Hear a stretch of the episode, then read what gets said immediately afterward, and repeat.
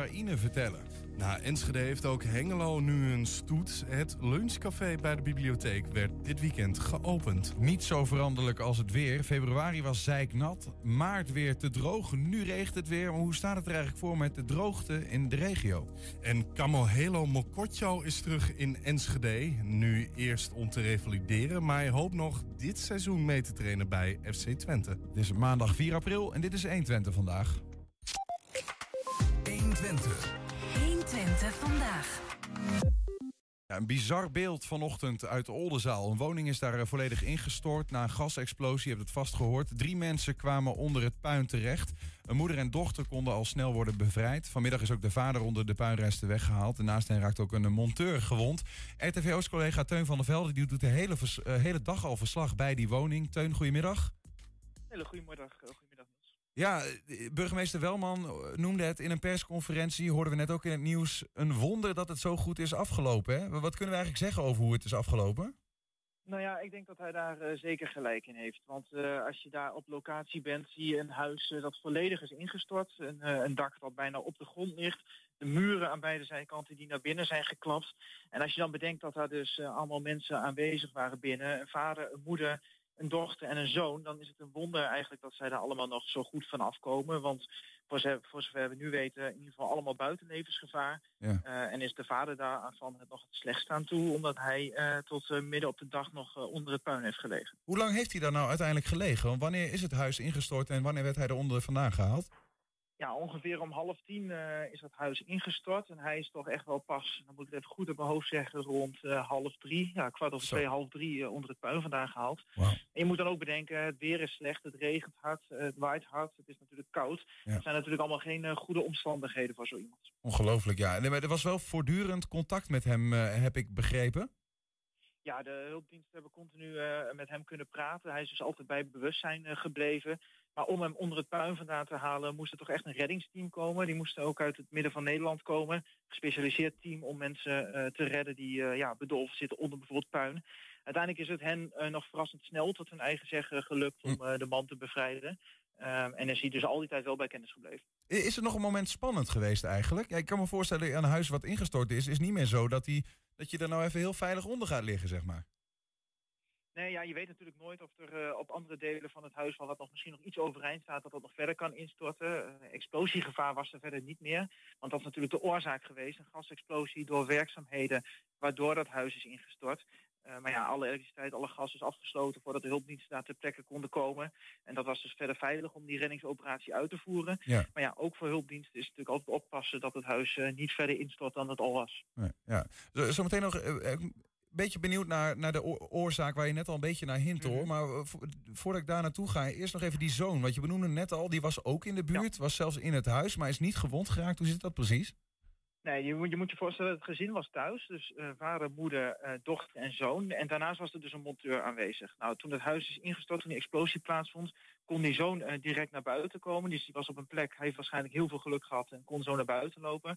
Heeft verder ook geen verwondingen. De moeder en de dochter, die waren wel op plekken... waar ze wat moeite hadden om naar buiten te komen. Zij waren ook gewond geraakt. Zijn met de ambulance per spoed naar het ziekenhuis gebracht. Die monteur kon ook wegkomen... en die vader is dus uiteindelijk eh, onder het puin eh, beland. Ja. Heeft die monteur te maken, ja, dat is, eh, heeft hij te maken met die gasexplosies? Is dat al bekend? Want ja, een, Ja. Een, er werd iets met een laadpaal gedaan, zei je al. Klopt, er werden werkzaamheden uitgevoerd aan een elektrische laadpaal voor elektrische auto's. Dat is ook de oorzaak geweest. Tijdens die werkzaamheden is er een gasleiding geraakt. Daardoor is er ook een gasexplosie ontstaan. En ja, dan moet je je voorstellen, dan, dan kan er van alles gebeuren. Maar in dit geval zijn dus de muren aan beide kanten naar binnen geklapt. Is het dak dus naar beneden gekomen. Ja. Daardoor krijg je nu een enigszins gek beeld. Je ziet namelijk een huis eh, helemaal in puin liggen, maar het dak is nog redelijk intact. Want dat is gewoon letterlijk eh, naar beneden gevallen. Is, het, is, het, is dit iets wat. ehm, ja, is het verontrustend dat het kan? Eh, dat met dit soort foutjes in één keer een heel huis kan instorten? Wordt daarover gesproken van ja, hoe kunnen we zoiets voorkomen? Of is dit gewoon een ongeluk, zoals we het zouden noemen?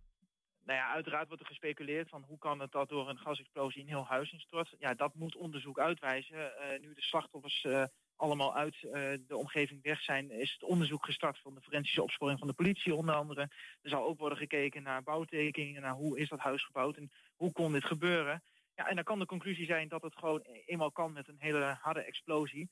Maar de conclusie kan natuurlijk ook zijn dat er bijvoorbeeld een bouwfout is geweest. Ja, dat weten we op dit moment echt nog niet en dat moet onderzoek dus uitwijzen. We hebben een foto van de ravage, die heb je zelf ter plekke gemaakt. wij, zien dat nu even. Ja, een, een, een totaal bizar beeld. Inderdaad, van alleen een dak wat er nog ligt. En daaronder wat dan nou ja, ooit de huisraad was. En de muren en alles bij elkaar. Um, op, op die plek zelf, hè? je was er tot voor kort nog. Wat gebeurt daar nu eigenlijk? Wat speelt daar allemaal? Ja, op dit moment zijn eigenlijk de meeste hulpdiensten vertrokken en is er echt uh, onderzoek gaande. De forensische opsporing, zoals ik zei. Ook nog wel mensen van de brandweer die uh, ja, uitvoerig onderzoek doen naar ja, waar is nou wat gebeurd en hoe is dat nou gebeurd. En uh, dat, dat is eigenlijk pas begonnen sinds dus het laatste slachtoffer daar uh, weggehaald is. Naar het ziekenhuis is gebracht. Mm -hmm. En tot die tijd was het te komen en gaan van hulpdiensten uit de hele omgeving. Uh, ja, om toch hulp te verlenen. En daarbij was ook mooi om te zien dat de hele buurt, de mensen die thuis waren uit de buurt, ja. ook massaal gingen helpen. Met water brengen, broodjes brengen, dat soort dingen. Ja, wat, wat, wat was de sfeer daar op het moment dat jij daar, uh, nou ja, uh, je was vrij snel te, te plaatsen, zeg maar. En, en toen je weer wegging, hoe, hoe, is er opluchting aan de ene kant vooral? Of is, er ook, is het ook een traumatische gebeurtenis voor die, buurt, voor die buurt? Nou ja, de meeste buurtbewoners die wij hebben ge gezien en gesproken, die hebben niet het huis zien instorten, maar wel een hele luide knal gehoord. Of het was vooral een dreun, zoals ze zeiden. Ze voelden het echt trillen in huis. Uh, maar uiteindelijk is de opluchting misschien wel het goede woord. Want ja, als je kijkt naar hoe die ravage eruit ziet, zoals op die foto, zoals je net zei, dan is het eigenlijk een wonder dat iedereen hier zonder levensgevaar uit is gekomen. En had dit natuurlijk heel erg anders af kunnen lopen. En ja, die schrik zat er overdag bij de buurt wel goed in. Want ja, de buren kennen natuurlijk hun buren. Uh, ja, als dan zo'n man nog onder het puin ligt, is het toch wel spannend. Van, ja, hoe gaat hij daar uitkomen? En is dus uiteindelijk de conclusie dat, het, uh, dat opluchting misschien wel het goede woord is. Tot slot dan, uh, dit huis ja, is uh, op dit moment totaal los verklaard, lijkt me zo. is, er, is er nog schade aan andere huizen? Want we hoorden ook iets van een totale stroomuitval in de buurt.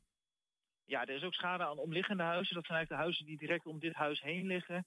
het huis aan de achterkant bijvoorbeeld heeft ramen eruit. Ook aan de zijkant is schade. Maar de huizen zijn niet dusdanig beschadigd dat mensen er niet meer kunnen slaven en wonen. Dus vanavond keren alle buurtbewoners gewoon weer terug naar hun eigen huis. Maar schade is er wel en er zou dus ook wat het een en ander gerepareerd moeten worden. Ja, en de stroomuitval die is al opgelost? Want ik hoorde dat mensen er, er koud bij zaten in, uh, in die buurt.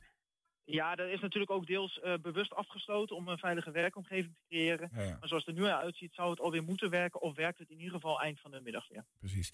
Uh, Teun van der Velde van RTV Oost. Uh, dus vanuit Oldenzaal. Dankjewel Teun en succes nog met het werk daar. Geen dank, dankjewel. Ja, zometeen na Enschede heeft ook Hengelo nu een stoet. Het lunchcafé bij de bibliotheek werd dit weekend geopend. 120. 120 vandaag. Drones uit Enschede moeten de waarheid over de oorlog in Oekraïne vertellen. Waar Giro 5 en 5 zich tijdens de oorlog richt op noodhulp, richt het initiatief Eyes on Ukraine zich op het vastleggen van onverknipte beelden. Al het geld dat ze via donaties binnenkrijgen wordt direct geïnvesteerd in de aanschaf van drones. De onbemande vliegtuigjes dragen geen wapens, maar zijn uitgerust met camera's. In Enschede maakt kunstenaarscollectief Black Brick de drones gereed voor uh, bezorging naar Oekraïne. En bij ons is bestuurder van dat collectief Jacco Borgreven. Jacco, goedemiddag. Goedemiddag. Ja, drones met camera's, is, is dat nou wat ze nodig hebben op dit moment? Uh, dus ze hebben heel veel nodig, right? Dus er, is, uh, er is daar op dit moment weinig uh, internet op het, op het front. Er is op dit moment weinig elektriciteit op het front. Er is ook weinig zicht op het front. En um, wat, nu, wat we nu zien in deze oorlog is dat het een van de eerste, in ieder geval eerste westerse smartphone-oorlog is, right? Dus mensen die willen op het front vastleggen wat er daar gebeurt. Dat levert hele onveilige situaties op. Mensen proberen dichtbij te komen. En mensen komen daar zelf nog veel dieper in de shit terecht. Ja. Uh, door middel van die drones, die best makkelijk te besturen zijn, proberen wij een afstand te creëren tussen de mensen die de oorlog willen vastleggen uh, en het daadwerkelijke slagveld. Dus als een, een, drone uit de lucht wordt geschoten, is voor ons dat veel minder erg dan een mensenleven. Dus op die manier uh, zorgt het ervoor dat we de, de, oorlog kunnen vastleggen. Tegelijkertijd dat we daarmee um, potentieel mensen redden die dus op die manier niet meer uh, met een telefoon zeg maar, er naartoe rennen, maar alsnog wel zicht willen krijgen op wat er daar allemaal gebeurt. Hoe, zou, hoe zouden die beelden een verschil kunnen maken in die oorlog? Eh, dat is, dat is op twee fronten. In, in eerste instantie uh, leg je daarmee dus uh, potentiële oorlogsmisdaden vast, bijvoorbeeld. Waar, waardoor je dan naar hogere rechtshoofden kunt gaan en kunt zeggen van hé, hey, kijk, dit hebben we, deze beelden hebben we allemaal. Uh, er anders zaten bijvoorbeeld geen ehm, militairen in de school die beschoten werd, maar het Ja, waren gewoon inwoners bijvoorbeeld. Ja, bijvoorbeeld of als het gaat om, eh, om rechtstreekse, eh, inderdaad, zoals je zegt, rechtstreekse actie op civiele doelen bijvoorbeeld. Ehm, anderszins ik zou je ook nog kunnen zeggen van, we hebben die beelden meteen nodig, dus we kunnen die, die beelden meteen afleveren voor, voor tactische winst. Dan is er nog het derde stuk en dat is voor... Je bedoelt voor de, de tactische dienst van het leger, bedoel je dan? Van het leger zelf, Ja, ja. oké. Dus het, zeg maar de, de relatie tussen het civiele leger op dit moment nu en het professionele leger. Mhm. zeg maar. En dan is er nog een derde stuk. En dat is eh, achteraf. Dus wij hebben connecties met het, eh, het eh, Europees archief, digitaal beeldarchief, waar al deze beelden opgeslagen zullen worden voor de langere termijns archivering. Die nu misschien geen verschil gaan maken, maar wel op de lange termijn een verschil gaan maken over hoe over deze oorlog nagedacht zal worden. Ja. Ik ga heel even terug in de tijd, en misschien een gek bruggetje in de eerste instantie lijkt het, naar een gijzeling in Amsterdam. Daar waren op een gegeven moment mensen eh, bij en die gingen appen, eh, wij zitten in de kast. Ehm, en toen werd er gezegd door de politie, dat is niet handig. Maar ook, er werd ook gezegd door de politie, film niet eh, wat hier aan de gang is, want daar kan die gijzelnemer kan daar belang bij hebben. Bruggetje naar, naar jullie actie. Zit er ook niet het gevaar in het publiceren van dit soort dronebeelden, omdat het ook in het nadeel van Oekraïne gebruikt kan worden, in het voordeel van de Russen? Ja, dat hangt er maar net vanaf vanuit welke, vanuit welke hoek je het wil kijken natuurlijk. Het klinkt een beetje, het klinkt een beetje vreemd, maar uiteindelijk leveren wij aan Oekraïne en Oekraïne bepaalt waar de camera op gericht wordt. Dus Mhm. wij, wij, eh, het is niet aan ons om eh, te bepalen waar die middelen voor ingezet zullen gaan worden op een exact niveau, zeg maar op een, op een lokaal niveau. Ja, maar kun je, geven jullie daar dan ook, eh, en dan heb ik even over het initiatief Eyes on Ukraine, geven jullie daar een soort van eh, handleiding nog bij van hey jongens, let op, eh, eh, dit kan ook tactisch voordeel voor de Russen opleveren als Ja, je zeker. de boel in beeld brengt. Zeker, wij, hebben, wij leveren brieven mee met, met uitgebreide instructies over wat wel wat niet te doen. Mhm. En ook eh, dus ons te, te blijven contacteren en op de hoogte te blijven houden van, van alles wat daaromheen gebeurt. Ehm, daarnaast was er ook nog bij ons een tijdje het gevaar van levert het niet juist civiele gevaren op omdat eh, er een potentie zou zijn om dit, en dat is namelijk consumentendrones zijn, dus dat zijn niet militair veilige drones per se. Eh, dat er nog alsnog een security breach in zou zitten. Dat je dus via, via zeg maar, wifi tracking bijvoorbeeld de, de piloot zou kunnen achterhalen. De GPS-locatie van de piloot zou kunnen achterhalen. Eh, wij, eh, wij leveren vervolgens deze drones aan met een bewerkte firmware waarop dat niet kan. Dus wij hebben dat verder wel helemaal Ja, afgebakend. de mensen die de drone besturen kunnen niet op afstand door de Russen of door andere kwaadwillenden worden gezien van hé, hey, jij hebt die drone bestuurd, dus jij bent nu het haasje. Dat is wat ik... Daar, daar komt het neer. Daar hebben we specifieke protocollen voor. Je wees er al even naar, maar we kunnen hem daar niet, denk niet heel goed zien. Kun je hem eens Ik, eh, pakken als je wil? ik eh, kan hem pakken, zeker. Ja. Je kunt hem ook eh, naartoe laten vliegen, wat mij betreft. Ja, als je wil. Ik weet niet of je dat kan zien, maar ik kan hem wel even... Doe je ding, zolang mijn hoofd aan zullen les we zit, vind ik op kijken? zich goed. kijken of dit werkt? Kan je Ja, hem zo zien? ehm, ik, ik, kijk even of als we schakelen naar jouw beeld, of we hem dan Stel kunnen zien. dat hoor. Ik dacht, ik probeer eens wat. Als we heel iets, eh, misschien kun je heel iets naar jouzelf toe vliegen. Als ik, eh, Dan kunnen we hem voor, voor het, kijken heel hoe, iets naar jou toe laten vliegen. Nog iets naar die kant. Naar jouw kant echt. Volgens mij zien we hem nu langzaam eraan komen, ja. Oh ja, zullen we kijken? Zo? Ja, Zoiets? ik, ik denk dat we hem nu in beeld hebben. Ja, we zien hem vliegen. Als je iets omhoog vliegt nog, dan Ik, vliegt hij voor ons beeldscherm. landen. Want, ehm, pardon. Want het blijft een beetje een binnensituatie. Ja? En ik wil natuurlijk niet... ik ga hem even laten, Ja, hij gaat weer even op ik de ga hem grond. even laten dalen hoor. Want dit wordt een beetje een, eh beetje een kermis zo. Ja, ja. Maar Hey, die drones, hè? eh, Die, die, je liet er net eentje vliegen. Dit zijn eh, die drones die naar Oekraïne gaan. Ja. Waar je een camera on- onder kunt hangen of leveren jullie hem met camera? nee, ze meteen? worden geleverd met camera. Dus Met er zit een camera. in. Dus ik heb nu net op mijn telefoon, kon ik net zien wat de drone zag. Daar komt het op neer. Die zit er al in nu. Die zit erin, ja zeker. Dat kan ik wel even laten zien. Als je hem even bijpakt, inderdaad. We hebben hier eh, voor jou, eh, als jij hier nu, is kunnen we hem zien. We zien hem daar, ja. Eh, Maar, daar zit hij. Even kijken. Ja, we zien hem, de camera die zit voor op je drone, heel klein. Ja. En die filmt gewoon echt in goede kwaliteit Die, eh, die wat er filmt gebeurt. in, eh, in, in scherpe 4K-resolutie en zo. Die dingen worden in elkaar gezet eh, in, in een kelder onder het station van Enschede. Ja. En eh, nou ja, onze collega's van RTVO's die namen eerder al even een kijkje bij nou ja, het in elkaar zetten van die drones. Gaan we even naar kijken. Alright. Dus we hebben hier de drones. En deze drones worden opgeladen en die worden ehm, ingeplucht ehm, in deze eh, batterijlader. En die kan dan ingeplukt worden in een powerplug. En die worden dan allemaal hier ehm, opgeladen. En hier zijn wat mensen mee bezig die dat aan het, aan het doen zijn. Eh, al die batterijen die moeten dus uit elkaar gehaald worden. En die moeten dan hier weer opgeladen worden. Dus dit zijn alle batterijen. En het heeft echt een heel gaaf gezicht als je de lampen uit doet. Ja, we zien hier vooral eh, accu's eh, die worden opgeladen om mee geleverd te worden, zodat denk ik de drones ook opgeladen en wel aankomen. Is dat het belangrijkste wat er in die kelder gebeurt? De- dat, dat en inderdaad dus het updaten van die firmware. Kijk, het Ja. is eigenlijk, het zijn zoals ik eerder al zei, consumentendrones. Eh ze zijn in principe gewoon ook eh, voor vakantiekiekjes en zo te gebruiken. Dus ze worden eigenlijk al gebruikklaar geleverd door de fabrikant. Mhm. Het, is, het is meer dat wij eh, niet weten, als ze eenmaal op het front aankomen, hoe dat front er dan uitziet. Is er daar stroom, is er daar internet? Dus wij proberen zoveel mogelijk al alles al helemaal klaar te leveren. Dus dat doen we door eh, inderdaad in de, op de locatie eh, de drones op te laden, de firmware te updaten. Eh, en verder leveren we ook ehm, eh, transformatoren bij voor auto-accu's naar 230 volt. Dus dat betekent dat ook mensen, als daar bijvoorbeeld geen stroom meer is, dat ze inderdaad wel vanuit au- auto's en dergelijke kunnen laden. Ja, dus we proberen gewoon ervoor te zorgen dat ze meteen inzetbaar kunnen zijn. Ik ben ook benieuwd hoe het eh, gevoeld heeft, want de eerste batch van 188 drones eh, is weg. Er komt nog wat aan. Mogelijk hebben- wordt er al gebruik van gemaakt. Daar wil ik zo, zo even naartoe. Maar voordat we dat gaan doen, ehm, dat, hoe zit het eigenlijk in elkaar? Want je hebt een initiatief dat heet Eyes on, Eyes on Ukraine. Mhm. Jullie zijn eh, een kunstenaarscollectief uit Enschede, Black Brick. Wat is Mhm. de verhouding tussen die twee? Het, het is eigenlijk een beetje, het is een, beetje een, ehm, een woordgrapje, zou je kunnen zeggen. Eh, namelijk, ehm, eh, ik ben initiatiefnemer dus van Black Brick, een kunstenaarscollectief. En dat is een kunstenaarscollectief dat zich kenmerkt door nieuwe mediakunst. Dat houdt in, eh, we maken kunst met een stekker. En toen kwam vervolgens de vraag, eh, kan jij 188 drones opladen? Want wij hebben niet genoeg stekkers. En wij waren de enige plek die de mensen hadden en de stekkerblokken hadden. Nou, het was een beetje zo de basis. Dus het begon eigenlijk als een soort van slechte grap over mediakunst. Wat is het nut van kunst? Ja, er zit wel een stekker aan. Dus Eyes on Ukraine, dat was een bestaand initiatief. En het kwam bij jullie van, hey, hebben jullie 188 stekkers voor ons? Daar komt het op neer. Wij werken samen met Eyes on Ukraine. eh, en vervolgens eh, heb- hebben zij ons gevraagd van... kunnen jullie het hele logistieke deel overnemen? En dat hield dus in het vinden van de, van de mensen om te helpen... Het, het aanleveren van de producten en zo.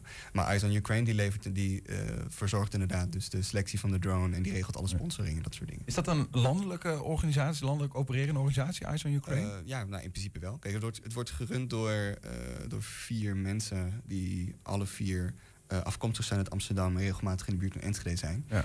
Ehm, ze hebben mij benaderd inderdaad dus vanwege nou ja, die beschikbaarheid van die Ja, precies. Maar er zijn niet meer plekken in Nederland waar eh, zo'n kelder is of wat dan Nee, ook. Waar nee, mensen, Wij zijn- wij zijn de kelder. echt de partner Wij waarmee ze samenwerken. Precies. Nee, wij zijn inderdaad de samenwerkingspartner. ja, ja. En dat is een, een tactische samenwerking in de zin van... wij hebben dus inderdaad de stekkers. Daarnaast, eh, ze worden met, met de busjes eh, zelf gereden naar Oekraïne gebracht. En dan is Enschede natuurlijk al een stuk dichterbij dan Amsterdam. Dus dat kleine verschil, dat is toch wel weer... Nou ja, goed. Een busje vol met drones. Overigens noem je jezelf eh, niet initiatiefnemer, maar liever machinator, heb ik begrepen. Wat, Ja. wat is dat? Dat is een soort van... eh, dat heeft een beetje mee te maken dat wanneer je... Dus ik, ik, ik heb ehm, eh, eerder ook al bij, bij RTV Oost een aantal eh, keer gezeten voor mijn kunstenaarspraktijk. Dus wat ik zelf doe. En ik ben recent dus de overstap heb ik gemaakt van kunstenaar naar ook organisator. Eh, eh, dat heet dan soms directeur of zo, weet je wel. Dus dan heb je een stichting en dan moet je fondsen vinden... en dan moet je allemaal dingen doen en zo. En dat levert soms hele nare, wat mij betreft... hele nare situaties op waarin je dan directeur bent... en, en, en organisator en zo, en, en, en woordvoerder en dat soort dingen. Dat wil je helemaal niet zijn. ik vond het een beetje een nare corporate speech. En toen dacht ik van ja, maar ik stel in dat hele grap met die, in die hele grap met die mediakunst en zo. En ik heb nog steeds dat, eh, nou ja, dat, dat, dat stekkerding, weet je wel. Dus ik moet iets met machines hebben. Dus ik dacht van ja, nee, ik laat gewoon de machine draaien. Dus ik ben de machinator. Machinator, mooi. Ik vind het een mooie, mooie functie. Ehm, 188 drones zijn al gestuurd naar Oekraïne om daar eh, de waarheid in beeld te brengen, onversneden. Eh, hoe, hoe- voelde dat voor jezelf eh, toen ze echt op pad gingen? Dat was wel, eh, dat was wel even heftig. Eh, wij hadden in eerste instantie totaal niet overzien hoe ontzettend veel werk het eigenlijk is om 188 drones klaar te maken. Dus wij, wij, eh, wij, waren, we zijn uiteindelijk vier volle dagen met een team van bijna 10, ja, volgens mij ja, 10, tot- dus, zeg maar 10 tot 12 mensen Zo. de hele dag mee aan het werk geweest. En uiteindelijk dan zie je ze wegrijden. Nou, je hoop je natuurlijk het beste. Eh, ik heb constant eh, appverkeer gehad met, eh, met de chauffeurs, ook hoe het ging daar aan de grens en zo. Uiteindelijk hebben ze vooral aan de grens tussen Polen en Oekraïne nog best wel lang stilgestaan voor allerlei security controles en dat soort dingen. Nou, dat is gewoon heel fijn om te weten dat ze dan op locatie zijn. Tegelijkertijd, zodra ze daar zijn, is het ook helemaal aan hen waar ze verder naartoe gebracht worden. Want wij, ik, weet die hele, ik heb die hele tactische kennis überhaupt niet. Weet je ook of ze gebruikt zijn al, deze zeker. drones? Ik, ik, heb zelfs, um, ik heb zelfs van helemaal los daarvan, een paar mensen hebben mij berichten gestuurd van via Reddit of all places. Dat ze dus met, uh, met deze drones ook uh, gemerkt, zeg maar, hebben dus dat er, dat er beelden vanaf deze drone komen. En dan ook mensen dus die foto's maken met de drone die weer terugkomt. Dat is super cool, want ik heb... Mission completed. Helemaal zeker. En ook helemaal niet per se met onze naamsmelding of zo. Dus dat maakt het eigenlijk juist nog cooler. Dat het vanuit het wild weer terugkomt of zo. Um, de tweede batch van 100 drones, die, die komt er ook binnenkort een keer aan, geloof nee, ik? Die is, ja, die is, uh, even kijken, die is, ze zijn gisteravond om 12 uur zijn ze weer in Oekraïne aangekomen. Mm -hmm. uh, dus ik denk dat ze nu net weer, uh, nou, waar zullen ze zijn? Halverwege Duitsland op de weg terug, denk ik, zoiets. Ja. Als mensen um, enthousiast zijn over dit uh, initiatief, uh, waar, waar, kunnen ze terecht om een steentje bij te dragen? Uh, er is een website die nog steeds eyesonyukraine.eu. Daar kan je nog steeds doneren. wij blijven eigenlijk rijden zolang de vraag is. Daar komt het op neer. Dus wij hebben niet gezegd van we doen er drie en dan houden we ermee op. je kan nog steeds doneren en we blijven gewoon rijden. Net zolang tot het alles in beeld is. Ja. ja. En alles om de waarheid voor nu, maar ook voor later boven tafel te krijgen en te houden. Mm -hmm. Jacco Borgeven, dankjewel. Succes met de missie. Dank u vriendelijk. Ja, zometeen. Februari was zijknat en maart weer te droog. Maar hoe is het nu met de grondwatertoestand? Robert de Lenne van Waterschap Vechtstromen heeft het antwoord. Er zijn ook als podcast te luisteren via alle bekende platforms. Je vindt daar de hele uitzendingen en elke dag één item uitgelicht. 120. 120 vandaag. Met het uh, aansnijden van een heuse stoet Twents voor brood... opende burgemeester Sander Schelberg vrijdagmiddag het lunchcafé met die naam in de Hengeloze Biep. Twee maanden nadat de vorige uitbater was vertrokken... gingen Natasja en René Warmerdam er aan de slag. Het café moest dé huiskamer van de stad worden.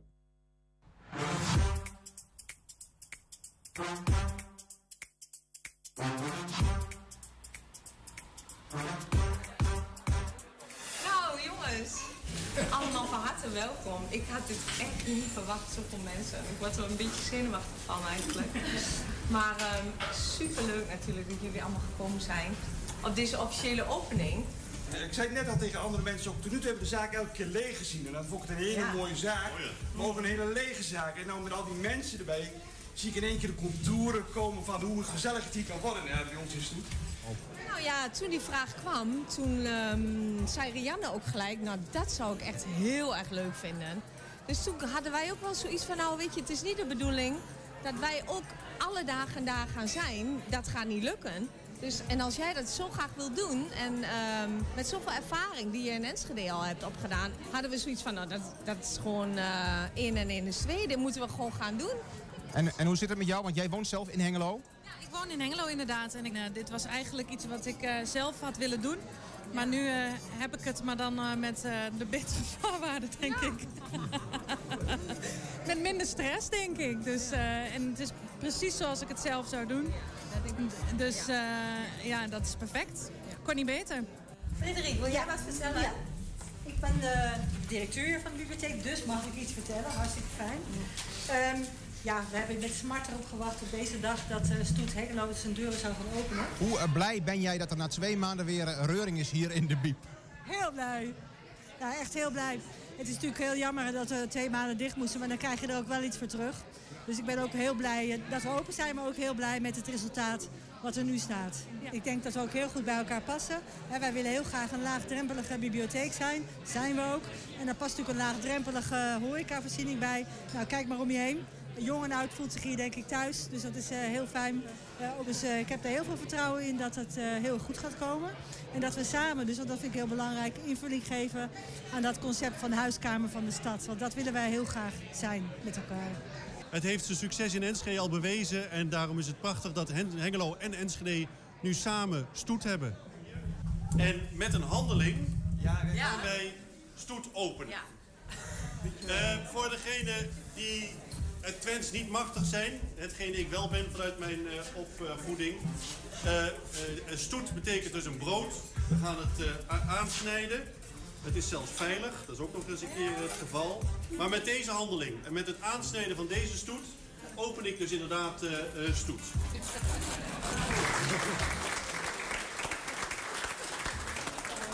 Je begint hier nu, en, maar over drie weken is het alweer gebeurd.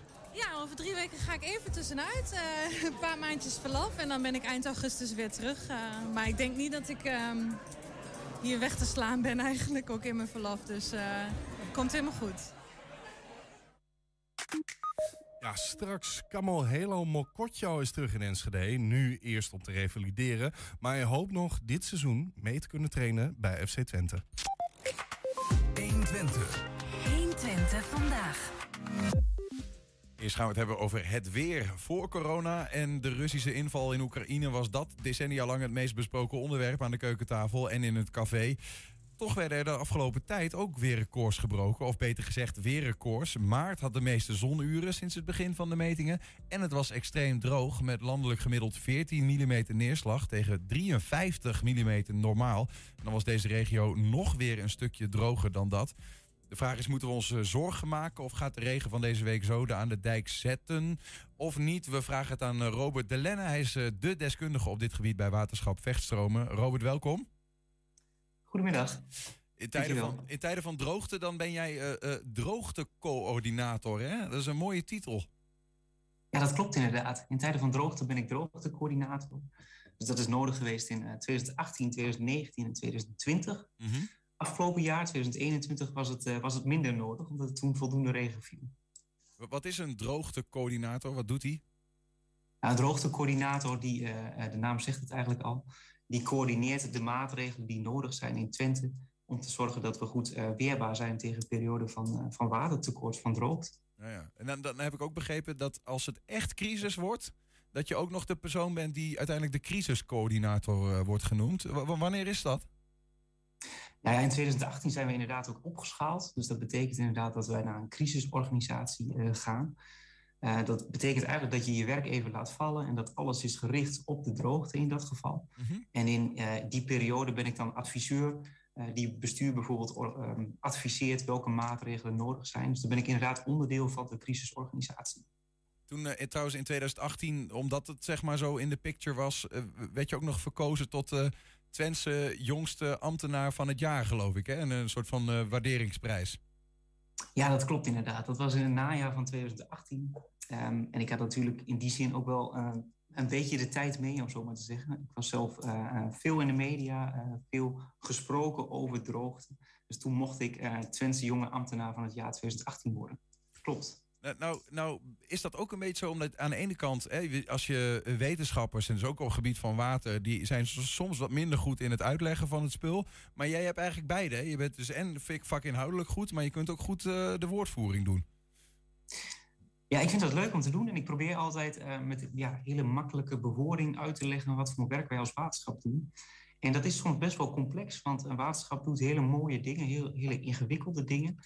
En dat is vaak moeilijk om, ja, om makkelijk onder woorden te brengen. Dus dat vind ik ook een leuke uitdaging om te proberen te doen. Ja, nou, probeer ons eens uit te leggen als je wil. Uh, want er zit een verschil tussen uh, aan de ene kant droog weer, aan de andere kant droogte en dan nog het, de term verdroging. Ja, precies, inderdaad.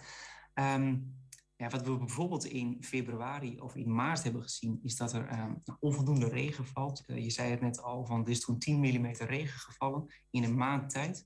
Normaal gesproken is dat ongeveer 60 mm, dus dan uh, heb je zes keer zo weinig regen gehad. Mm -hmm. En dan is er sprake van droog weer. Dus er valt minder regen dan normaal. En dan is er dus sprake van droog weer. Maar wanneer droog weer aanhoudt en wanneer dat effect heeft op de uh, normale watersituatie, om zo maar even te zeggen, dat noemen wij het hydrologische evenwicht, uh, dan is er sprake van droogte. En als we dan kijken naar de afgelopen periode, de afgelopen maand, um, hebben we eigenlijk geen, is er geen sprake geweest van droogte, maar wel van droog weer. En tenslotte heb je inderdaad ook nog verdroging. En verdroging is eigenlijk nog iets anders. Um, verdroging betekent eigenlijk dat de grondwaterstanden hier in Oost-Nederland, in Twente, structureel te laag zijn. En dat is een term die voortkomt, uh, die veel wordt gebruikt voor natuur. Uh, waarbij eigenlijk gesteld wordt dat de natuur continu te maken heeft met te weinig grondwater, ja. waardoor ook structurele schade optreedt. Dus eh, um, is, dat er, is dat aan de hand? Want ik hoor je eigenlijk zeggen, ja, droog weer hebben we in maart wel gehad. Maar echt droogte is op dit moment geen sprake van. Eh, die, die verdroging, zitten we eigenlijk een beetje goed qua grondwaterniveau? Ja, als we nou op het moment naar het grondwaterniveau kijken, we staan natuurlijk ook voor een week waarin eh, waarschijnlijk veel neerslag gaat vallen, dan is dat niet direct alarmerend. De grondwaterstand zit op een gemiddeld niveau voor deze tijd van het jaar. Ja. Dus rond deze tijd ehm, zit het op de meeste plekken zo'n anderhalf meter onder maaiveld hier ehm, in Almelo bijvoorbeeld. En ehm, dat is nou ook het geval. Hij zit daar net iets onder, maar goed, dat is niet alarmerend en die grondwaterstand die fluctueert, die, eh, die gaat telkens op en neer. Eh, dus dat is, dat is eigenlijk wel een, een gunstige stand voor het begin van het voorjaar, waarin nog veel water nodig is voor gewassen, voor de groei van bomen en dergelijke. Dus in die zin staan we er goed voor. Nou ja, want eh, je zegt ook van, eh, eh, we, het regent volgens mij as we speak, als ik zo naar buiten kijk. Ja, regent het. Eh, ehm, dat is een beetje een soort van, dat lijkt in mijn ogen dan meer een, een pleister als het echt droog is. En ik vraag me af, ja, we hebben het altijd over klimaatverandering. Ehm, wordt het gedurende de afgelopen jaren, decennia, moeilijker om die grondwaterstand op niveau te houden? Ja, zeker weten. Ehm, de, de laatste jaren komen er natuurlijk ook veel onderzoeken uit. Onderzoeken van het, eh, van het IPCC, zoals dat heet, maar ook onderzoeken van het KNMI, het klimaatsignaal bijvoorbeeld. En het klimaatsignaal laat eigenlijk zien dat de periode dat het droog is, dat we te maken hebben met droog weer, dat die langer worden. Dus je krijgt eigenlijk een langere periode van droogte eh, in de zomer. En als het dan regent, dan regent het heel hard. En dan krijg je vaak te maken met wateroverlast bijvoorbeeld. Ja. En dan stroomt er bijvoorbeeld een tunnel onder eh, water. Dus ehm, het is in de toekomst moeilijker om eh, ja, te voorzien in de watervraag die er is vanuit de landbouw, vanuit de natuur, eh, vanuit de recreatie, vanuit bedrijven, noem maar op. Ja, absoluut. Dus je, je moet een, een keuze maken eigenlijk van oké, we hebben minder water, waar gaat het naartoe? Gaat het naar de boeren of gaat het naar, naar, naar het bos? Of, eh, Ja, ja, dat vraagt inderdaad om keuzes. En keuzes maken is natuurlijk altijd moeilijk. Ehm, en het is ook niet altijd nodig. Als we voldoende in de watervraag kunnen voorzien, eh, dan doen we dat zeker. Eh, daarvoor zijn we ook opgericht natuurlijk. Maar er zijn ook perioden dat het even niet kan. En dan moet je keuzes maken waar het water dan naartoe gaat. de- die- dat soort gesprekken voer jij ook toch vanuit het waterschap? Dus met, met die boeren of met Landschap Overijssel of hè, de, de partijen die water nodig hebben, eh, natuurgebieden. Li- lijkt, me, lijkt me niet altijd makkelijk als je dan ehm, ja, moet, moet gaan zeggen van ja, maar we hebben gewoon wat minder water voor je ja, als boer bijvoorbeeld. Nou ja, inderdaad. Ik, ik voer die gesprekken ook. Eh, dat zijn ook soms keukentafelgesprekken. Eh, en ik probeer dan vooral ook uit te leggen wat de consequenties zijn, eh, waarom het even niet kan, zeg maar, waarom wij onvoldoende water beschikbaar hebben. Ehm, het is ook wel eigenlijk ook wel inherent aan het watersysteem in Twente. Dat is echt afhankelijk van het grondwater. En dat grondwater wordt aangevuld door de hoeveelheid regen dat valt. En we weten dat het in de toekomst minder gaat regenen in de zomer.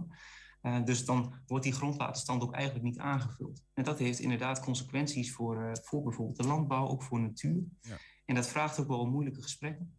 Uh, maar daar merk ik bij dat je ook wel vaak begrip kunt creëren voor de situatie als je het heel goed uitlegt en heel rustig uitlegt. Mm -hmm. Want wat we eigenlijk merken, met name in Twente, is dat het systeem ook niet maakbaar is. Het is niet zo dat wij op een knop drukken en dat er dan voldoende water beschikbaar is. Uh, daar is het, het, systeem in, in Twente te ingewikkeld voor. Ja. Wat kun je wel doen eigenlijk? Is, is er iets wat het waterschap kan doen? Ja, naast uh, ges, gesprekken hebben over. Ja, het is nou eenmaal droog en we moeten uh, water verdelen om, om meer water vast te houden. Of om de, de hemel meer water te laten geven, bij wijze van. Wat voor middelen zijn er? Nou, eigenlijk is de, de, de aanpak voor de, voor de hoge zandgronden, voor Twente dus, dat is echt gericht op het vasthouden van water. Ik zei net al, in de winter gaat het meer regenen. Dus dat is eigenlijk positief. Hè? Dat in de winter komt er meer regen naar beneden. Maar in Twente moeten we zorgen dat we dat water ook weten vast te houden. Zodat we daar in de zomer ook gebruik van kunnen maken. En dat is denk ik ook de grootste uitdaging voor, uh, voor ons als waterschap op de Hoge Zandgronden. Van hoe weten we nou dat water vast te houden? Ja. Um, ja, hier hoog en droog in Twente. Hoe doe je dat? Heel praktisch gezien, hoe werkt dat, water vasthouden? Heb je dan allemaal regentonnen staan en zo? Ja, dat is inderdaad ook makkelijker gezegd dan gedaan. Uh, dat doen we op heel veel verschillende manieren. Het kan inderdaad in stedelijk gebied door, door regentonnen en dergelijke waar het water wordt vastgehouden. Uh, als ik aan het landelijk gebied denk, dan, um, dan zien we toch dat echt dat herinrichtingsmaatregelen nodig zijn. Uh, dus als je bijvoorbeeld kijkt naar de Dinkel of iets dergelijks, dan laten wij die weer meanderen, geven we die meer ruimte. En zorgen we ook dat daar eigenlijk dat water vertraagd wordt afgevoerd in richting van, eh, van de vecht in dit geval. Mhm. Ehm, dus we zien eigenlijk dat je met de meer operationele maatregelen, dus even een stuw omhoog zetten, even een gemaaltje aanzetten, dat je daar in Twente minder mee bereikt. Het handelingsperspectief, zeg maar, eh, wat je wel kunt doen als waterschap, dat dat eigenlijk veel meer gericht moet zijn op herinrichting van watergaan. Ja, en dat, dat alles dat is dat, eigenlijk- dat heeft er dus mee te maken dat je dus water vasthoudt op het moment dat het droog is, zodat je eigenlijk zelf controle hebt van wanneer, eh, wanneer het- laten we dit water weer los, hè, als het moment dat het nodig is. Dat het niet verdampt op het moment dat je dat niet wil, wijs van. Ja, precies. Je houdt het water inderdaad eh, vast als dat kan. Ja. En dat is vaak eh, na, na de winter, want dan is er voldoende water voorradig. En dat begint ook al echt, ik noem het wel soms de hydrologische haarvaten van het systeem, maar dat begint echt bovenin. Dus dan kun je denken aan Enschede en Oldenzaal en ook Marsum. Dat ligt echt vrij hoog. En daar moet je zorgen dat het water wordt vastgehouden, dus dat het ook echt vertraagd door, eh, door de beken en de rivieren en de kanalen stroomt. Eh, zodat dat tijd nodig heeft en dat je zodoende zo'n zo'n droge periode ook, eh, ook door kunt komen. Hoe, hoe verhoudt eigenlijk de, de misschien wel ook wel toenemende vraag naar drinkwater zich eigenlijk tot, tot dit soort vraagstukken? Want ja, die is er ook nog. Hè? We groeien als bevolking, dus er komt steeds meer vraag naar drinkwater. Dat moet ook ergens vandaan komen. Ja, inderdaad. En, en drinkwater komt in Twente natuurlijk ook uit de grond. Dat is grondwater. En de drinkwaterbedrijven, dat zijn ook functies die wij als waterschap eh, proberen eh, te bedienen, in zover dat mogelijk is. Ehm, en eh, daarbij zien wij dat, dat ook drinkwater, de vraag naar drinkwater, toeneemt. Dat is natuurlijk, dat is natuurlijk een vraag wat, wat de drinkwaterbedrijven beter kunnen beantwoorden dan ik. Maar we zien dat de, de, vraag naar drinkwater toeneemt. En wij als waterschap proberen te zorgen dat die grondwaterstanden voldoende hoog zijn. Zodat die drinkwaterbedrijven ook voldoende water uit de bodem kunnen halen. Ja, ja precies. Ja. Maak je jezelf wel zorgen eigenlijk? In die zin, ik, ik hoor eh, bijvoorbeeld als het gaat om nou, de hoorn van Afrika, da- da- daar wordt het steeds droger. Eh, we hebben het zelfs soms over klimaatvluchtelingen die binnen 50 jaar onze kant op komen als het blijft verwarmen allemaal. Eh, blijft verdrogen ook daar. Hoe speelt dat eigenlijk in, in Twente? Moeten we ons op termijn ook een soort van ja, serieuze zorgen gaan maken over de droogte? Wat zijn de gevolgen eigenlijk die mogelijk zijn hier? Ehm, nou, ik denk eerlijk gezegd dat we nog niet direct ons zorgen moeten maken. Als je kijkt naar de waterbalans in Nederland, dan valt er gewoon meer regen dat er, eh, dan dat er verdwijnt via verdamping. Ehm, dus we moeten dat gewoon slim weten vasthouden. En dat vraagt wel moeilijke keuzes. Eh, en die keuzes moeten we maken om te zorgen dat we dat water in de toekomst ook hebben. Eh, dus ik, ik ben er nog wel van overtuigd dat wij echt genoeg maatregelen kunnen nemen om te zorgen dat, ehm, dat we in de toekomst in de zomer ook voldoende water hebben. Maar het wordt wel een steeds grotere uitdaging. Dus ik maak me nog niet direct zorgen. Maar het gaat wel veel eh, energie kosten om in de toekomst ook te kunnen voorzien in de watervraag. Ja, eh, alleen van jullie of ook van, van Twentenaren zoals ik zelf bijvoorbeeld? Hè? Tot slot dan even. Wat, wat vragen jullie eigenlijk van de inwoner van Twente daarin? Ehm, nou ja, dat, wij kunnen het als waterschap kunnen we het absoluut niet eh, alleen. Wij gaan over de watergangen, maar we zien wel dat je het in de watergangen niet kunt oplossen. Eh, dat is natuurlijk nodig, daar zijn maatregelen nodig, maar het is ook verderop eh, nodig. Dus we hebben agrariërs nodig om water vast te houden. Denk bijvoorbeeld aan het vertraagd afvoeren van water via de drainage van, eh, van, van agrariërs. Maar ook in stedelijk gebied zou je het water moeten vasthouden met regentonnen. Met het afkoppelen van, van je riolering, zodat het niet naar de rioolwaterzuiveringsinstallaties gaat, maar zodat het de grond in kan trekken. Dus we moeten dat samen doen. En ehm, daarom werken wij ook heel nauw samen met, met de gemeente, met de provincie, met agrariërs en LTO, met Staatsbosbeheer en andere natuur, eh, natuurbeheerders. Ehm, en het gaat vrij goed, eh, maar dat moeten we, moeten we zeker samen doen. Ja. Nou, hopen dat ook deze zomer de droogte weg blijft. Dan, eh, en, en, en, en de komende jaren, maar het gaat tot nu toe goed voor dit jaar. Dus dat we hopen dat het zo blijft. Robert de Lenne van de Waterschap Vechtstromen, dank voor je, voor je heldere uitleg. Graag gedaan. Ja, zometeen schakelen we met het gemeentehuis van Enschede. Daar is op dit moment een tweede debat bezig over de formatie van een nieuw college. Collega Ernst Bergboer is erbij en brengt zo de laatste updates. 120. 120 vandaag. Ja, eind januari verschijnt daar opeens het bericht dat FC Twente een oud bekende gaat verwelkomen. Helo Mokotjo gaat meetrainen bij de club waar hij in de zomer van 2017 vertrok. Maar de plannen moeten even in de wachtkamer. De middenvelder moet eerst herstellen van een knieblessure. Ja, voor die revalidatie is hij wel alvast in Twente neergestreken. Mokotjo werkt bij Pro F in Enschede aan zijn herstel. Kom kom kom kom on. I think people expected you a little bit earlier than you arrived. What happened? Uh, well, there were some complications. Obviously, I contracted COVID, so I was delayed for about two weeks in the States. And then um, I got an injury while I was there. I think it was around the end of November. It's a medial uh, meniscus, um, which was repaired. Um, so it happened during a training session. It was just an unlucky moment. Um, no one to blame for it. Just, it just happened. Just a collision between uh, two guys, and then yeah, and here I am. Kom on, kom on, kom on, kom on, kom on, kom on. Kom on, maximaal nu. Kom on, maximaal, maximaal, maximaal, maximaal. Alles wat je hebt, alles wat je hebt. En ontspannen. God. Het gaat. Daddy? They repaired it. That was still in the States. That was still in the States, yeah. So if you already had your operation in November, um, how come that they thought you were joining the squad? What happened there? A little bit miscommunication or? Uh, no, I mean, I also expected to uh, um, to heal uh, quicker than um, than uh, than it's happening right now. It took a little bit longer maybe than expected the rehab, but still after an operation. Did you think you could already really join the squad, or did you know, well, that's not really realistic yet? Uh, I just thought that's that's not really realistic. Um, but But did Twente know that?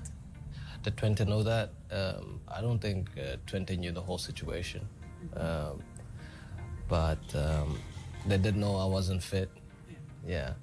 But yeah, I mean, that happened. And I don't think it was a train smash for Twente or I because we have plans. And um, those plans could benefit um, um, both parties too. So um, it's good that I'm here and I'm getting stronger. I need you to do three jumps with left, three good jumps with two se- seconds balance. One, two, three. Perfect. Much better. Good. Rehab is not um, a pleasant thing to do, Mm-hmm. but yeah, it's, it's been challenging, but you also see the results and you also see yourself coming back to your normal self. Oké, kom maar, maximaal. En ontspannen. Holy shit. Lekker man. Ja, daar word ik wel vrolijk van. Really? It's all green. You're, you're stronger on the right side. That's now. awesome, man. Yeah.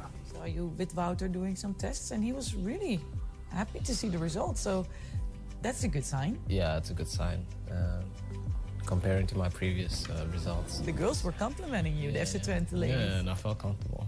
It's always good to have. Uh, Women compliment you or just have compliments no, in just to, general? just to have compliments in general. Yeah, it's always good.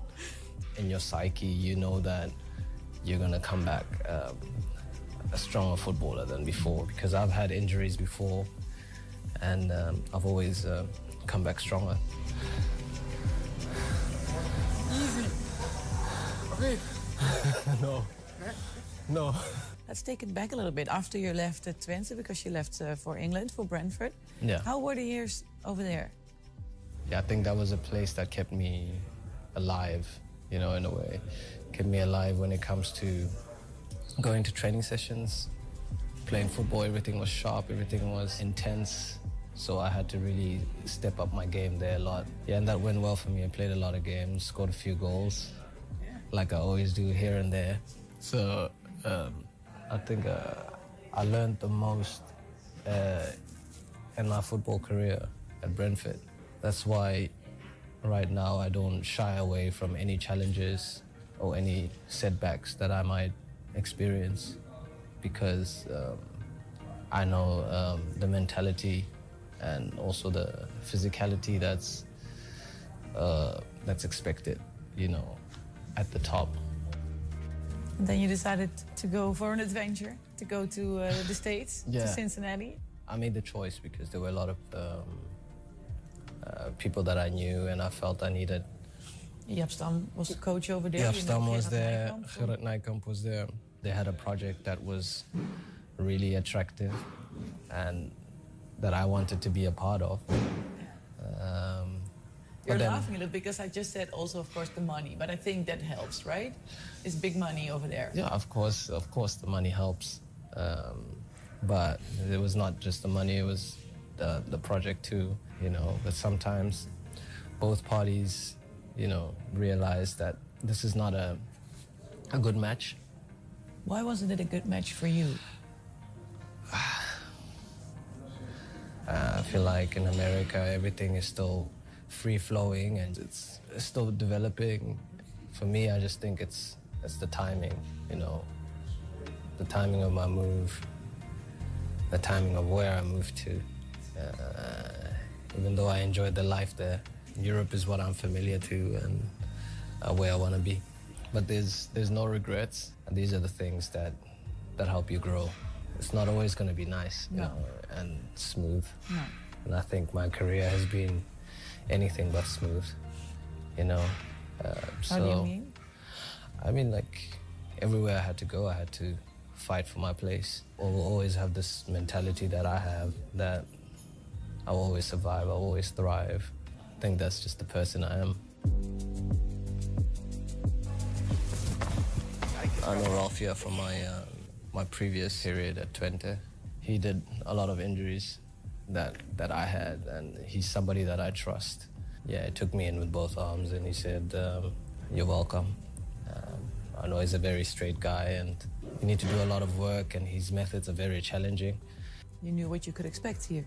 Uh, yeah, you could say so. Yeah, not, yeah, yeah. not completely? No, not completely. You're laughing a little bit like it's harder than you yeah, expected. yeah, yeah. I realized in the in the process that uh, things were, were harder than I thought they would be. But yeah, things are always hard. But when it comes to um, uh, my football quality, uh, that's not something I worry about. But where it's about strength and uh, being physical, Yeah. um, that's what I'm developing here. That's going to help me a lot playing even for five, six years to come. You hope you can. You still have like five or six years to Yeah, come. I have that ambition. Okay. Yeah. A good ambition. Yeah. Yeah. Dream big, right? Yeah. the context with Twente started again. What made you decide that's the place that I want to return Yeah. then for now? This is a place that I still wanted to have a few more years, just to. Why is that? I just feel like the club deserves more, you know. Yeah, because they have a great stature, you know, like, uh, and I felt also I could um, uh, bring the experience um, that I have and uh, to help them. What are your plans with the club? Uh, the plans at the moment are to get fit and probably have um, a few training sessions with the team. Mhm. And then from there, we make a decision. But you can go anywhere you want, of course. You are free. yeah, of course, I'm yeah, I'm transfer free. When it comes to to getting a club, uh, I'm not I'm not really worried about that because I know I will. Yeah, but I don't think that will be the problem. I think you can choose. But um, how many cards does Twente have then if they want you? If there will be bigger clubs who are also interested? No, I mean, I'll, I'll be straight with Twente and, you know, and they'll be straight with me, of course, on um, what they want. And I'll be straight with them on what I want. But, you know, it's, it's I cannot give like a, a definitive answer No, when, okay. it, when it comes to that. But um, right now I'm here and my uh, sole intention was to come back and uh, play for FC Twente. Obviously, I have a very warm feeling towards the club, but also there's the other side of things. There has to be a, a, a balance the club side, the project, and the financial side. You can already join the squad. Will it already happen this season? Or are you looking for pre-season next season? No, looking at the way things are going, Yeah. it looks like it's going to happen this season. Okay. Um, I just need to make sure I stay the course uh, of my rehab. I'm really looking forward to that. At the end of the day, you know, I'm just I'm just a footballer and I just want to be on the pitch. Yeah. You still call yourself the general? Ah, yeah. That's what people call me. Oh, you called yourself Yeah, the but- general. Yeah, I, I'm still the general. Okay. I'm still the general. Ja, je hoorde de General Camoelo Mokotjo. Hij hoopt dus nog dit seizoen hersteld te zijn en eh, weer mee te kunnen trainen bij FC Twente. 120. 120 vandaag. Hoe moet het toch verder met de formatie van een nieuw college in Enschede? We weten het straks waarschijnlijk, want op dit moment is in het stadhuis het tweede duidingsdebat na de verkiezingen aan de gang. En verslaggever Ernst Bergboer is daarbij. Ernst, goedemiddag. Hey, goedemiddag. Een duidingsdebat, kun je dat even duiden? Wat is dat? Nou, dat is eigenlijk eh, kijken hoe je die, wat, wat, wat, wat die gemeente, de uitslag van de gemeenteraadsverkiezingen nou precies betekent Ja. voor, de, voor, de, voor de manier waarop de gemeenteraad in de komende vier jaar en het college eh, opereren. En, en welke thema's ze aan de orde moeten gaan stellen en hoe ze dat dan gaan doen. Nou was er, eh, de gemeenteraadsverkiezingen waren op woensdag 16 maart. Meteen die zaterdag al was het eerste duidingsdebat. Ehm, wat, wat is er eigenlijk sinds die tijd allemaal veranderd? Nou, de- het verschil is dat ze in dat eerste debat hebben ze gezegd, nou ja, we willen het toch anders doen dan de afgelopen vier jaar. Daar is te veel gesteggel en gedoe geweest. eh, dat helpt de stad niet, dus we willen dat anders gaan doen. Maar hoe dan precies? Eh, nou, toen is er al gesproken over misschien kunnen we iets met een raadsakkoord of een raadsagenda, waarin we een aantal thema's alvast benoemen. Of zeggen, nou ja, daar moeten we het in ieder geval de komende vier jaar over hebben. En daar zijn we het misschien voor een deel ook al over eens. Dus ze hebben na dat eerste debat hebben ze twee verkenners aan het werk gezet. Eh, twee wijze mannen, zeg maar even, die hebben een rondje gemaakt langs al die partijen. En eh, eigenlijk is vanavond de uitkomst van dat rondje wordt, wordt in de gemeenteraad besproken. Oké, oké. En is daar al iets over gezegd? Want eh, je hebt het over die verkenners Jan Martin van Rees, Henk Veerbeek. Is er al iets gezegd over de uitkomsten? Wat, wat zien we in een raadsakkoord terug de komende jaren? Ja, nog niet eh, heel concreet. En wat we tot nu toe gehoord hebben, eh, klinkt nog tamelijk eh weinig zeggend. Dan zou je eigenlijk zeggen, ja, dat de gemeenteraad altijd moet doen. Eh, fatsoenlijk betrokken bij alle besluiten die genomen worden, de inwoners erbij betrekken. Eh, goede, goed, goed overleg tussen het college en eh, de burgemeester en wethouders en, en die gemeenteraad. Ja. Nou ja, dat zijn allemaal een soort, soort van wensenlijstje. Eh, maar ja, eigenlijk mag je dat als, eh, ja, dat, dat, dat hoort daarbij, hè. Dat, dat, dat is politiek, zo zou het moeten. Eh, er wordt wel gesproken over inderdaad een raadsakkoord, eh, waarin een aantal thema's benoemd moeten gaan worden. En er staan ook wel een aantal thema's op papier. Eh, dat zijn thema's als, nou noem even de energietransitie, wel of geen windmolens, weet je, die vraag.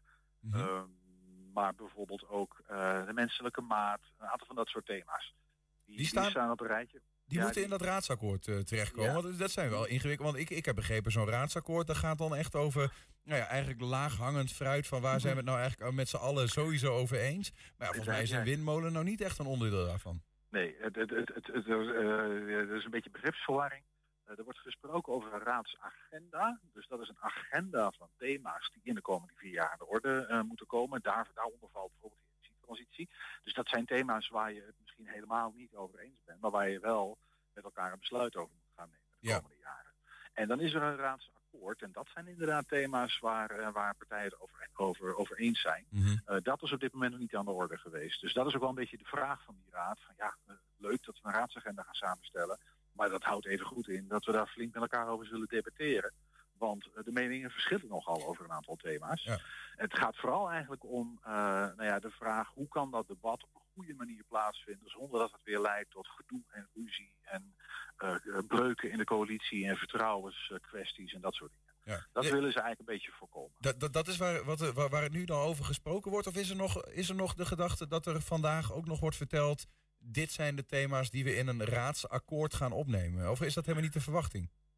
Nou, dat is wel mijn verwachting, ja. Want Ja. tot op heden is dat nog niet goed. Het eh, debat is net begonnen, hè. dus eh, we zijn, we zijn er nog niet. Maar eh, ja, dat is, wel, eh, dat is waar het over gaat, hopen wij toch. Ja, ja daar, daar heb je naast. Hè, de- ik, ik, ik kan me voorstellen, dan zijn er straks een aantal thema's in een raadsakkoord. waarvan je dan eh, eigenlijk meteen al kunt zeggen. Nou, dan slaan we met een hamer op en we zijn het er allemaal over eens. Gaan we doen. Ehm, Maar dan zijn er nog heel veel dingen over waarover besloten moet worden. En dat is wat een stad normaal in een eh, coalitieakkoord zetten. Waar, waar, waar nog wel eh, iets van, eh, op hoofdlijnen iets van gevonden wordt. Maar daar moet nog van alles over besloten worden in debatten. Wordt daar ook nog aan gewerkt vanavond of later? Ja, eigenlijk zijn dat twee processen die een beetje parallel moeten gaan lopen. Dat is de bedoeling. En de klacht van de voorgaande vier jaar was dat er veel te veel dichtgetimmerd was in dat coalitieakkoord. Ja. Waardoor eigenlijk de raad, ja weet je, die zat er een beetje pro forma bij. Eh, maar eigenlijk was al, al eh, besloten in dat, eh, in dat coalitieakkoord. Nou, dat willen ze niet. Ze willen de stem ook van de minderheden en echt gezamenlijk al heel vroeg in het proces, hè, als er een besluit genomen moet worden, dat vanuit het debat laten plaatsvinden en niet al dat vastleggen in een dichtgetimmerd collegeakkoord. Dus het idee is nu dat er een soort raadsagenda wordt gemaakt en parallel daaraan ook, een, ook, ook alvast een, een coalitieakkoord. Maar die twee dingen moeten dan heel erg in elkaar eh, over gaan lopen. Die moeten, eh, die, die moeten gezamenlijk moet, moet dat, moet dat gebeuren. Ja. Zodat het niet leidt tot een dichtgetimmerd eh, collegeakkoord. Dat, dat vooral wil men voorkomen. Is er, is er al iets bekend eigenlijk over de contouren van zo'n nieuw college in Enschede? Heb ik nog niks over gehoord. Dus daar kan ik nog niks over zeggen. Eh, alles wat er over gezegd, we hebben al veel over gezegd, hè, wat, wat de opties zijn. Ja. Eh, er is niks nieuws bijgekomen op dit moment. Maar het kan best zijn hoor, dat er vanavond nog wel wat meer duidelijkheid over Ja, kortom, we, we blijven het in de gaten houden. Jullie zijn daar eh, te- ter plekke om dat te volgen. Dus eh, ik neem aan dat er op onze website later vandaag, als er meer dingen bekend zijn, dat dat eh, erop komt te staan. Als Wilco en ik niet door de bliksem getroffen worden, mag je dat verwachten. Nou, ik zou het niet proberen. Spreek uit ervaring. ja, dat is waar, Julian. Ja, ja voetbalveld. nee, joh, we, uiteraard. We gaan daar proberen zo snel mogelijk eh, sowieso even kort in korte lijnen wat over te schetsen. En eh, dan eh, in de loop van de avond, nacht, dan wel morgenochtend eh, ook een wat uitgebreider artikel. Deo Volente. Eh Ernst Bergwoer, dankjewel en veel plezier nog daar. Ja, dankjewel. Hey, hoi hè, succes. Jo. En tot zover 120 vandaag. Terugkijken, dat kan direct via 120.nl. En vanavond om 8 en 10 uur zijn we ook op televisie te zien. Zometeen kun je hier op de radio gaan genieten van Henk Ketting met zijn tweede deel van de kettingreactie. Veel plezier en tot morgen. 120. Weet wat er speelt in Twente. Met nu het nieuws van 5 uur. Goedemiddag, ik ben Robert-Jan Knook. In Utrecht is iemand in een scootmobiel aangereden door een tram en overleden. Het gebeurde bij een tramstation in de buurt van de jaarbeurs. Het hele tramverkeer ligt stil en de politie heeft schermen geplaatst...